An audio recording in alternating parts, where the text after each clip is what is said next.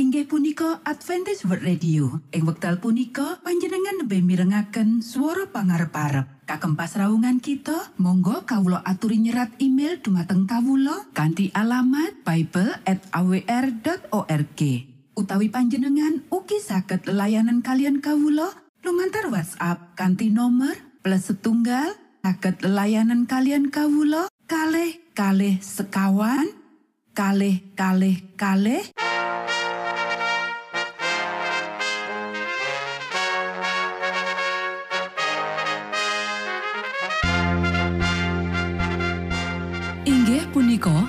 Adventist World Radio ingkang giaran kanti basa Jawi. Tentrem Rahayu kula aturaken kagem para mitra kinasih ing pundi papan lan panggonan. Sugeng pepanggian malih kalian Adventist World Radio. Kanti bingahing manah Kulo badhe sesarengan kalian para mitra kinasih lumantar saperangan adicara ingkang sampun rinonci mligi kagem panjenengan sami. Mugi giaran punika saged migunani tuwin dados berkah kagem kita sedaya. Sugeng midhangetaken Gusti amberkahi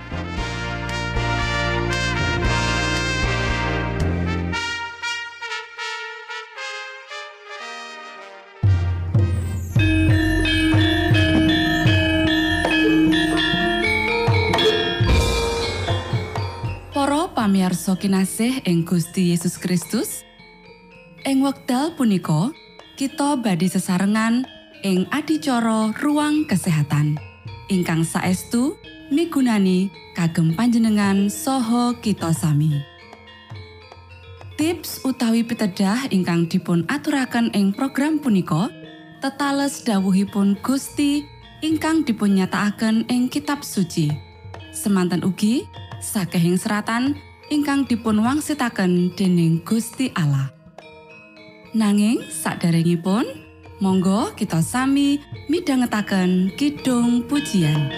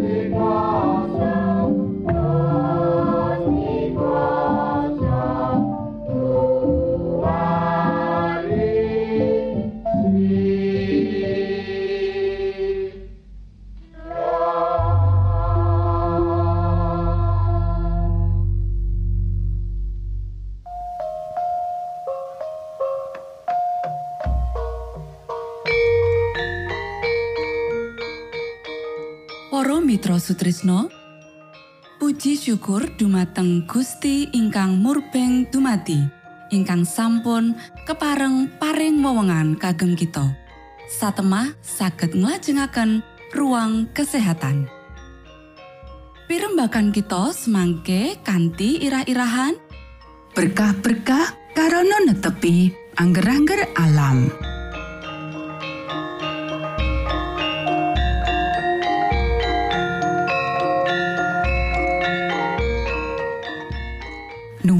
Dumateng para pamiarsa ingkang dahat kinurmatan, sugeng pepanggihan malih kalian kula Isti Kurnaidi ing adicara ruang kesehatan. Ing dinten punika kanthi irah-irahan berkah-berkah karana netepi angger-angger alam. Para sedherek ingkang kinasih, wong-wong kang mangerteni sawening saka kawicaksanan lan kamurahan angger-anggering Gusti Allah lan ngrasakake bukti tresnaning Gusti Allah lan berkah kang diakibatake saka panurutan bakal ngejeni tugas-tugas sarta sesanggemani dheweke saka sakabehe pandeleng kang beda-beda. Kanthi ndeleng pangrumat angger-angger kesehatan dadi perkara pengorbanan lan nyelaki diri, dheweke bakal ndeleng kaya dene sak benere dadi sawening berkah kang ora kanyono-nyono. Kabeh sukarna utawa panandang kita bisa ditelusur saka panurutan utawa panerak kita marang angger-angger alam. Para sedherek ingkang kinasih, Gusti Allah kang nitahake badan kita wis ngatur saben serat lan syaraf sarta otot lan wis janji ngukuhake terature mesin kui menawa agen menungso bakal makarya bebarengan karo Gusti Allah lan nampik makarya kang cengkah karo angger-angger kang nguasani sistem menungso. Kecocokan kang teliti ing angger-angger Gusti Allah kang wis ditelehake jroning diri kita bakal mesthekake kesehatan lan ora bakal ana karusaan jasmani. Gusti Allah wis janji kanggo ngukuhake mesin iki makarya kanthi becik. Menawa agen menungso nuruti angger-anggering Gusti Allah lan makarya bebarengan karo panjenengane. Para sederek, saben tembung sira aja embu iku jroning angger-angger fisik utawa moral ngemot sawene janji. Menawa dituruti, berkah bakal marengi langkah kita. Panjenengane majipake kita nuruti angger-angger alam kanggo ngrumat kesehatan fisik. Para sederek, menawa wong-wong Kristen ngurmati utawa ngopeni badan sampurno lan gawa sakabe kesenengan lan kekarpani dhewe piyambak, jroning pangendalen tembung ati kang dipadangi, ngrasakake dadi sawene cicipan kang dilakoni kanggo Gusti Allah lan pepadane urip kanggo ngurmati angger-angger kang wasani kesehatan lan panguripan, dheweke bakal nampa berkah kasantosan fisik lan mental. Dheweke bakal nduweni kasantosan moral kanggo melu jroning perang lawan musuh utawa setan lan jroning asma Gusti Allah kang wis nelokake kesenengane dhewe dheweke luwih saka pandelok jroning catetan pribadine. Para sedherek ingkang kinasih menawa tenaga karya kang saiki ana ing kebun kanthi cara lantip wis nggunakake kasantosan fisik lan mentale miturut angger-angger karsian dheweke ora mung dadi pinter jroning pawiyatan umum. Nanging bakal sanggup jroning pirang-pirang poso kang beda-beda lan kanthi mangkono netepi syarat kanggo dadi misionaris ing negara-negara monco para sederek jiwa lan raga wong-wong cepet dadi sak pondok penyakit. Iki ora bakal kedadean saumpama dheweke kang aku percaya marang kabeneran wis nindakake prinsip-prinsip sucine jroning dheweke urip. Menawa manungsa wis netepi angger-angger Yahwa jroning angger-angger alam panjenengane, gambaran Allah tentu bakal dipratelakake ing panjenengane. Matur nuwun, Gusti amberkahi.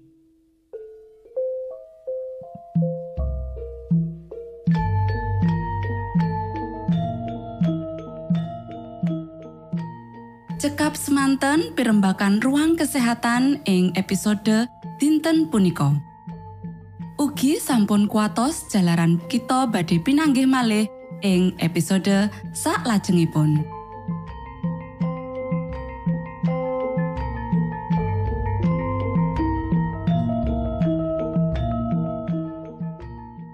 Inggih punika adicara ruang kesehatan. Menawi panjenengan gadah pitakenan utawi ngersakaken katrangan ingkang langkung, monggo kula aturi. Kinton email dateng alamat ejcawr@ gmail.com utawi lumantar WhatsApp kanti nomor 025 pitu 00 songo songo papat 00 pitu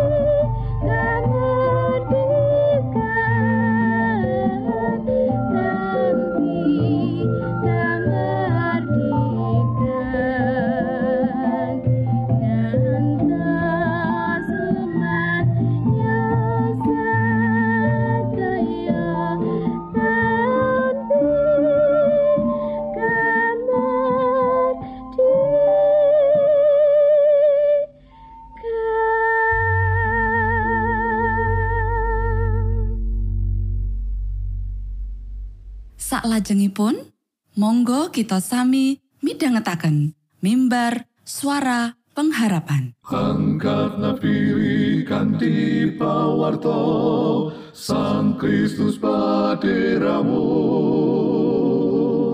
Pro umat samyo puji asmanyo Sang Kristus paderamu Inggih punika mimbar suara pengharapan. Ing episode punika kanthi irah-irahan. Netepi marang karsaning Allah. sugeng minangka tondo Sang Kristus paderamu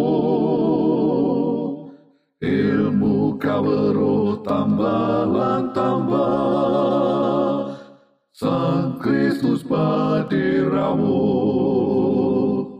Paderamu Paderamu Sang Kristus paderamu Shalom para pamiarsa ingkang kinasih wonten ing Gusti. Sakmenika kita badhe mitangetaken renungan Sabtu pangantikanipun Gusti. Ing dinten punika kanthi irah-irahan netepi marang karsaning Allah. Para sedherek ingkang kinasih, salah siji wewatean utama Rama Abraham yaiku tansah netepi marang karsaning Gusti. Sakabeh wis kabukten saka maceme pengalaman Rama Abraham karo Pangeran Yahua kang tansah jenengi wewateane. Para sederek, Rama Abraham nampa patimbalan kanthi tantangan saka swarga. Sang Yahua dawuh marang Rama Abraham, "Sira lunga, ninggalno tanah ira, kala wangsa nira lan omah bapak ira menyang ing negara kang bakal suntetahake marang sira." Purwaning tumati pasar rolas ayat siji. Para sederek, nalika Rama Abraham krungu swara saka swarga, tanggepane kang sepisan bisa wae diliruakake. Kanthi alasan menawa piyambake nandang halusinasi utawa bisa uga wegah nanggepi pakabaran kuwi karo ngomong, "Aku moh lunga. Aku kerasan ning kene." Surasan menyang ing negara kang bakal suntedhake marang sira mbok menawa katon kaya gambaran kang mokal bab apa kang tinuju nanging Rama Abraham nampa patimbalan kuwi kanthi pasrah sumarah marang karsani Sang Yehua banjur ninggalake keluargane lan negrine Romo Abram tumuli bidal netepi apa kang didhawuhake dening Sang Yehua. Purwaning tumati pasal rolas ayat papat. Para sedherek ingkang kinasih, sawijining tukar patu ing antarane para abdi Rama Abraham lan para abdine Lut. Nanging Rama Abraham ora nduweni wewatekan kang senenge tukaran marang sedulure. Rama Abraham memasrahake marang karsane Sang Yehua kang paring berkah. Sakwise Rama Abraham ditilar misah dening Lot, Sang Yehua banjur ngendika mangkene. Sira tumenguwa, ndeleng saka ing papan anggonmu ngadeg, mangalor lan mangidul, mangetan lan mangulon. Awit dene tanah kang sira deleng iku bakal sun paringake marang sira lan turunira salawase. Purwaning tumati pasal telulas ayat 14 lan 15. Para sedherek ingkang kinasih, ancure saka tanah Sodom lan Gomora nalika Sang Yehwa paring panjelasan marang Romo Abraham bab nasib pungkasane saka rong kutha kuwi, Romo Abraham kanthi rasa sih katresnan nyoba kanggo nyelametake kutha-kutha kuwi. Romo Abraham munjuk maneh. Patuko mugi sampun ngantos duka, kawula badhe munjuk sepisan malih. Mbok menawi ing ngriku namung pinanggih sedasa. Pangantikane Sang Yehua, mesti bakal ora sun tumpes merga saka wong sepuluh iku. Bareng Sang Yehua wis mungkasi anggone mangantikani Rama Abraham, banjur ngajengake tindake. Dini Rama Abraham tumuli wangsul menyang panggenane. Purwaning tumati pasal 18 ayat 32 lan 33. Amarga saka ora ana wong sepuluh kang bener ing kutha kuwi, pungkasane kutha kuwi diancurake. Romo Abraham taat marang karsaning Gusti Allah lan nampa penghakiman Gusti Allah saka kutha-kutha kuwi. Sang Yehuwa tansah nginakno Romo Abraham awit saka ketaatane marang Gusti ing maceme kahanan. Bab kang padha kudu kelakon ing wayah iki. Monggo kita sami ndedonga. Duh Rama kawula ingkang wonten ing swarga, asma patuko mugi kasucikaken. Kraton patuko mugi rawuh. Karso patuko mugi kalampahan wonten ing bumi kados dene wonten ing swarga. Kawula mugi kaparingan rejeki kawula sak cekapipun ing dinten punika. Saha patuko mugi ngapunten kalepatan kawula kados dene kawula inggih ngapunteni tetiang ingkang kalepatan dhateng kawula. Punapa dene kawula mugi sampun ngantos katantukaken dhateng ing panggoda nanging mugi sami patuko uwalaken saking piawon. Awit dene patuko ingkang kagungan kraton saha wisesa tuen kamulyan salami laminipun. Amin.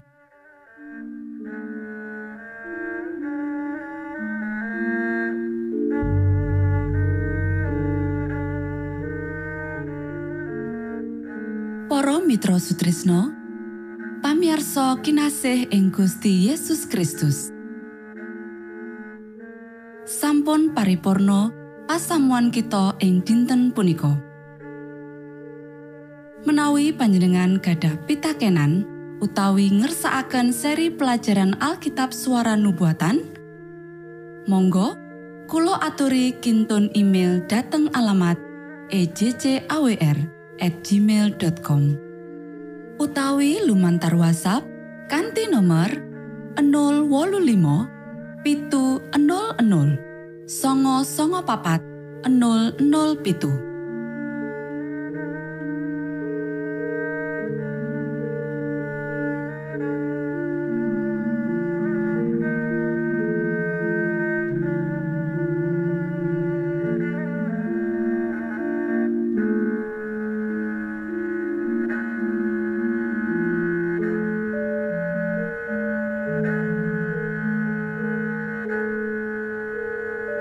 pitu Matur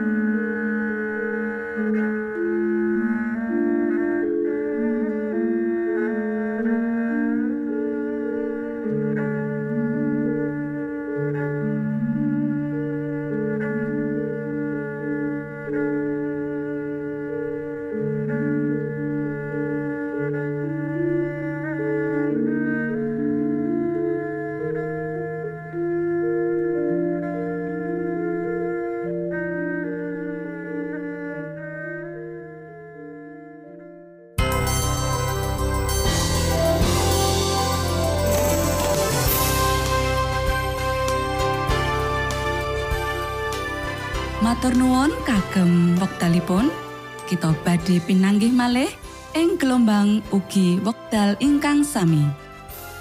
Saking studio kula ngaturaken tentrem rahayu. Gusti amberkahi kita sedaya. Maranata